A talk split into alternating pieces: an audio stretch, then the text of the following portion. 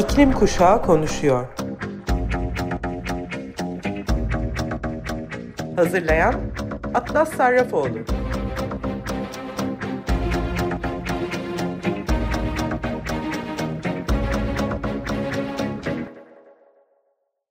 Hepinize merhaba İklim Kuşağı konuşuyor dinleyicileri. Önümüzdeki yarım saat içinde sizinle geçirdiğimiz haftanın iklim haberlerini paylaşmak istiyorum. Sizin için seçtiğim bu haftaki haberlerde iklim krizinin sonuçları ve sebepleri arasında mekik dokuyor olacağız. İlk seçtiğim haber The Guardian'dan. Haber İsviçre'nin güneşi karartmanın, risklerinin, yaralarının ve belirsizliklerinin Birleşmiş Milletler uzman grubu tarafından incelenmesi gerekip gerekmediği konusunda küresel bir tartışma başlattığını müjdeliyor. Müjdeliyor diyorum çünkü asıl yapılması gereken fosil yakıtların yerde bırakılması iken bu tip yaratıcı fikirlerle iklim hareketini geciktirmeye çalışmalardan dolayı aslında. Dünya çapındaki kuruluşların güneş jeomühendisliği konusunda devam eden araştırmalar hakkında bilgi toplaması için gelecekteki gıda arzı, biyoçeşitlilik, küresel eşitsizlik ve güvenlik üzerinde etkileri olabilecek küresel ısınmayı azaltması amacıyla bir danışma paneli kurulması öneriliyor. Gelecek hafta Nairobi'de başlayacak olan Birleşmiş Milletler Çevre Toplantısına sunulan İsviçre'nin teklifi güneş radyasyonunun değiştirilmesine odaklanıyor. Bu atmosferin güneşin ısısının ve ışığının bir kısmını uzaya geri yansıtan kükürt dioksit parçacıkları ile doldurarak büyük bir volkanik patlamanın etkisini taklit etmeyi amaçlayan bir teknikmiş.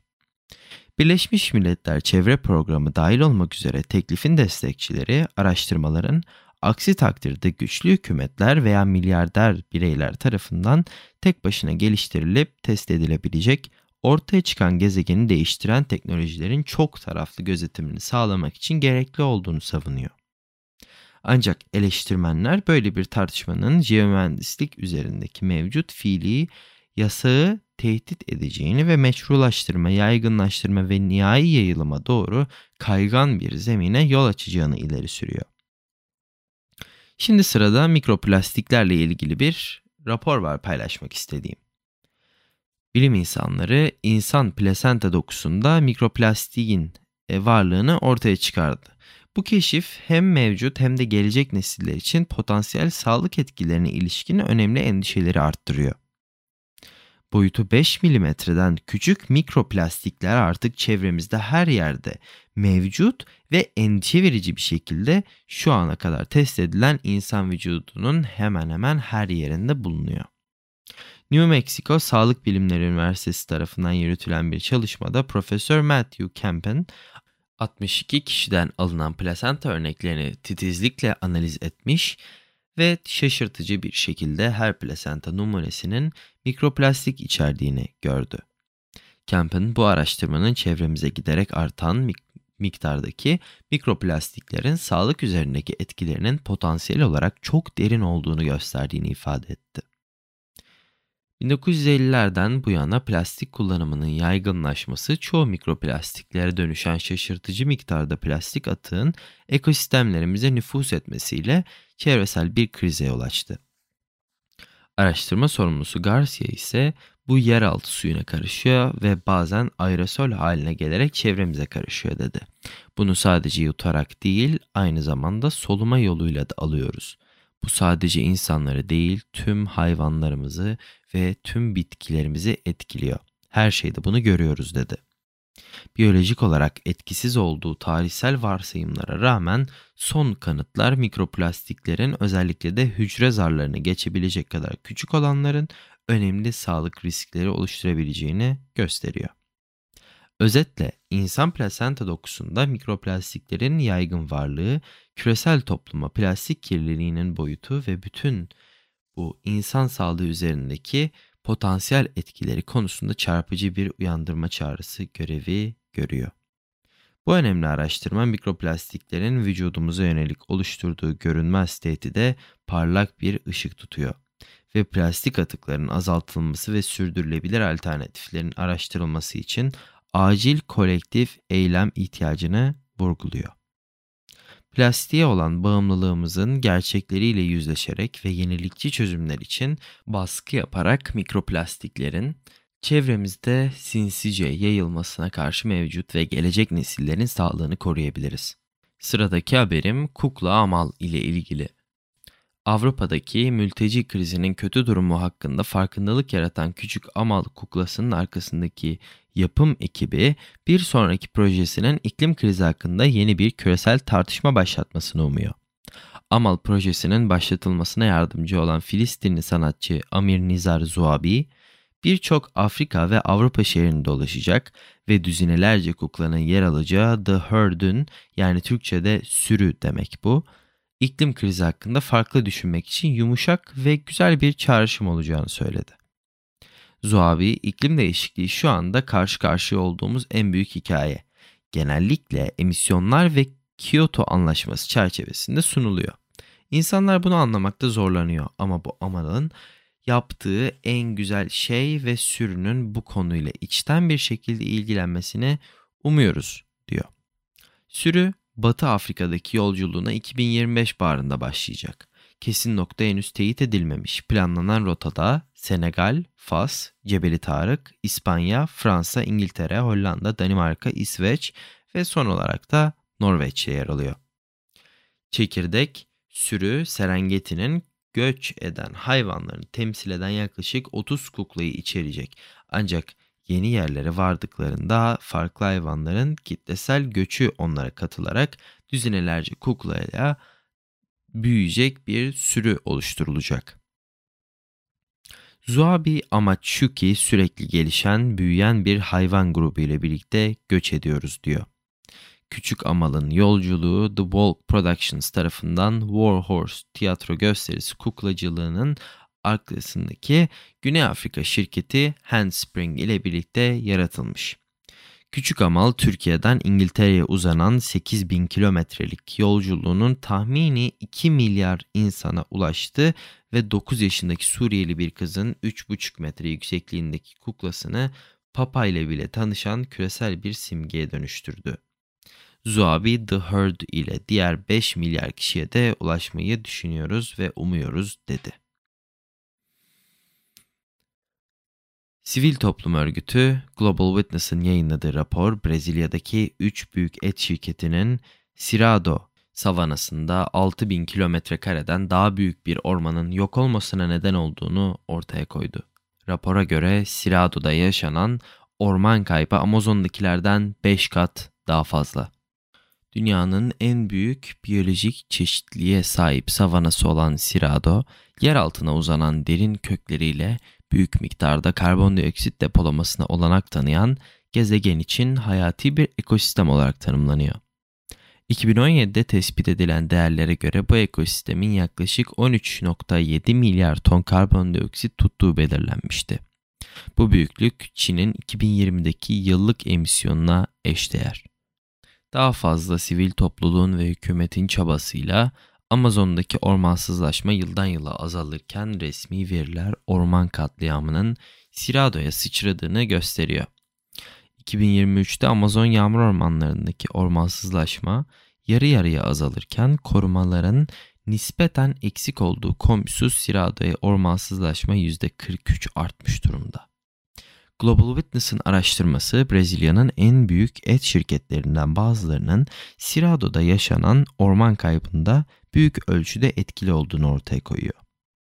Araştırmada Brezilya yasalarına göre gerekli ormansızlaştırma izinlerinin alınmamış olması nedeniyle tespit edilen ormansızlaştırma faaliyetlerinin neredeyse tamamının yasa dışı olduğu da ifade ediliyor. Global Witness'ın kampanya stratejisi lideri Verona Aukşat, Amazon'un korunmasına yönelik çabalar devam ederken Cirado'nun ekolojik bir kıyım bölgesine dönüştüğünü görüyoruz. Ormansızlaşma bu bölgeye sıçrıyor ve savananın yarısı şimdiden tarım arazisine dönüşmüş durumda.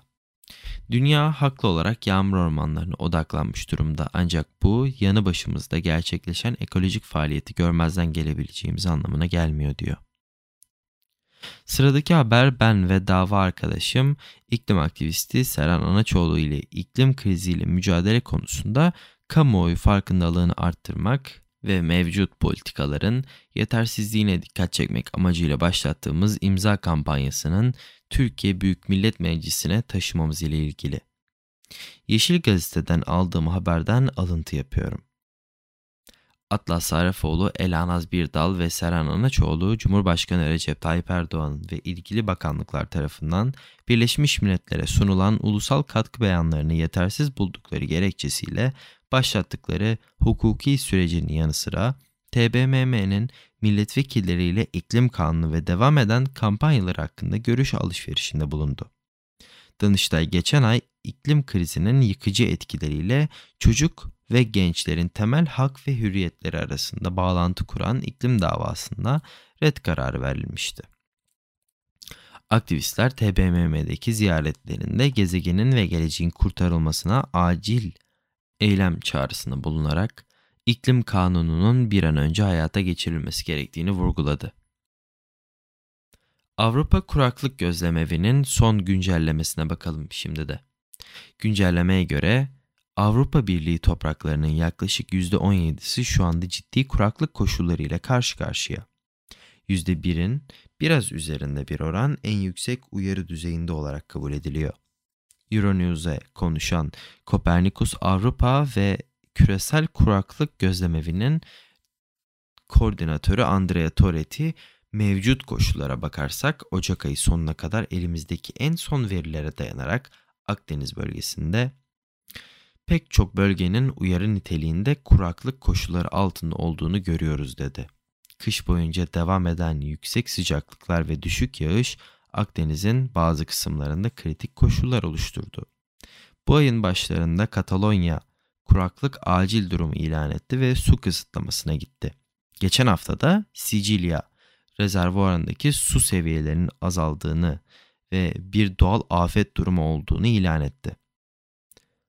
Anbi Su Kaynakları Gözlemevine göre ada toplamda yaklaşık 8 ay boyunca neredeyse tamamen kuraklıkla karşı karşıya kaldı ve 2023'ün ikinci yarısı son 100 yılın en kurak yarısı oldu.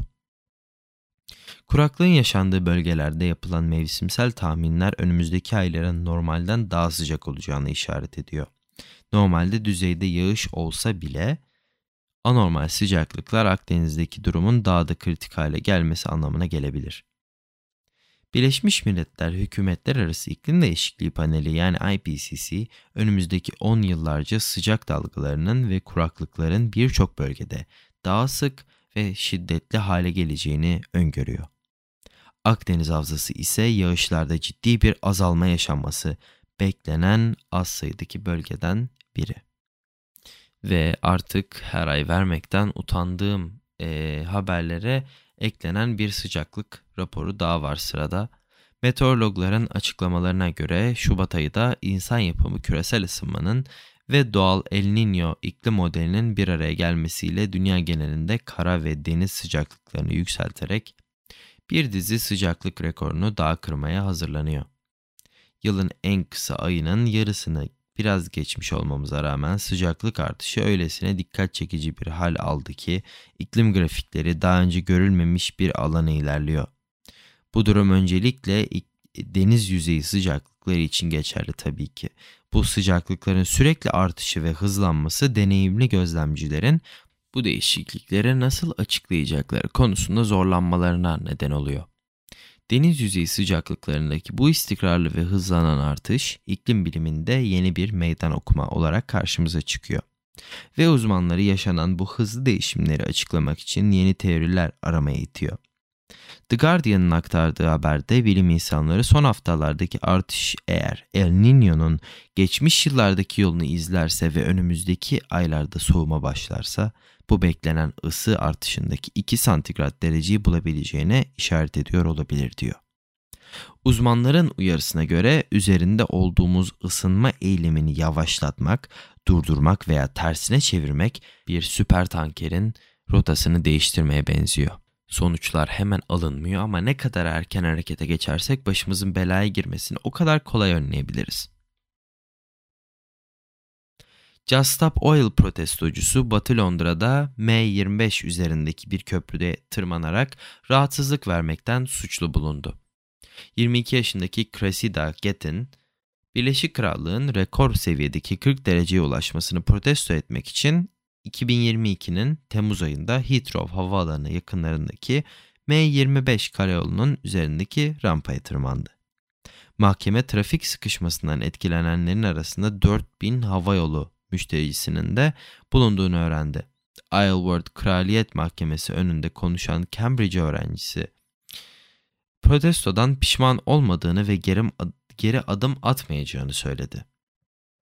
British Airways'in üst düzey yöneticisi Edwin Hall mahkemeye okunan açıklamasında iklim aktivisti grubun protestosu sonucunda 3923 British Airways müşterisinin iptal ve gecikmelerden etkilendiğini söyledi. Yayıncı ve çevreci Chris Peckham, duruşma sonrasında mahkemeye BBC programı üzerinde çalıştığı Hampshire'dan Surrey'e yaptığı yolculuk sırasında 4 ila 5 saat boyunca trafikte sıkışıp kaldığını söyledi. Çevreci Peckham, jüri üyelerine beklerken iklim değişikliği hakkında düşünmeye zorlandığı gerçeğine sempati duyduğunu söyledi. Bay Peckham, daha sonra mahkeme dışında şunları söyledi. Önünde tüm hayatı olan 22 yaşındaki bir müzik öğrencisine bu kadar güvencesiz, fiziksel olarak tehlikeli ve şimdi de hayatını etkileme potansiyeli taşıyan bir şey yapmaya iten şey nedir? E sanırım sebebini biliyorum ve herkes de sebebini biliyor dedi. Üniversite eğitimine iki yıl ara veren aktivist Get'in duruşma sırasında işleri her zamanki gibi kesintiye uğratmayı ve medyanın dikkatini Britanya'daki sıcaklıkların temsil ettiği korkunç duruma çekmeyi amaçladığını söyledi. Ancak Heathrow Havalimanı'na bu kadar yakın olduğunun farkında olmadığını ve lokasyonu seçmediğini söyledi. Kendi temsiliyetini yapan Get'in geçen hafta yaptığı kapanış konuşmasında mahkemeye şunları söyledi gecikmelere neden olan protestonun anlamlı, olumlu bir değişimi yaratmayı amaçladığına inansaydınız, gecikmeyi ciddi rahatsızlık olarak tanımlar mıydınız? Ancak yargıç Hannah Duncan, iklim değişikliği ile ilgili kanıtlarını kabul edebilir veya konuyla ilgili olmadığını söyledi.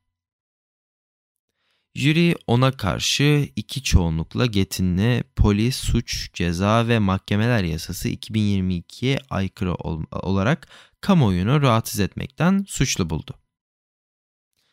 Evet, ne yazık ki geleceğini korumak için her türlü tehlike ve riski 22 yaşındaki bir öğrenci e, bu riskleri alan 22 yaşındaki bir öğrenciyi suçlu bulurken geleceğimizi karları uğruna yakan fosil yakıt CEO'ları suçsuz sayılabildiği bir dünyada yaşıyoruz hala. Bu tanımların yeniden gözden geçirilme zamanı geçmeden değişim sağlanır mı diye ummak istiyorum ve süremin sonuna yaklaştığımız için sizi seçtiğim şarkıyı çalıyorum. Bu kez sizin için seçtiğim şarkı Steve Nicks ve Gorillaz'dan Oil. Haftaya Cuma günü saat 14'te buluşana dek kendinize, sevdiklerinize ve gezegenimize lütfen çok iyi bakın. Görüşmek üzere.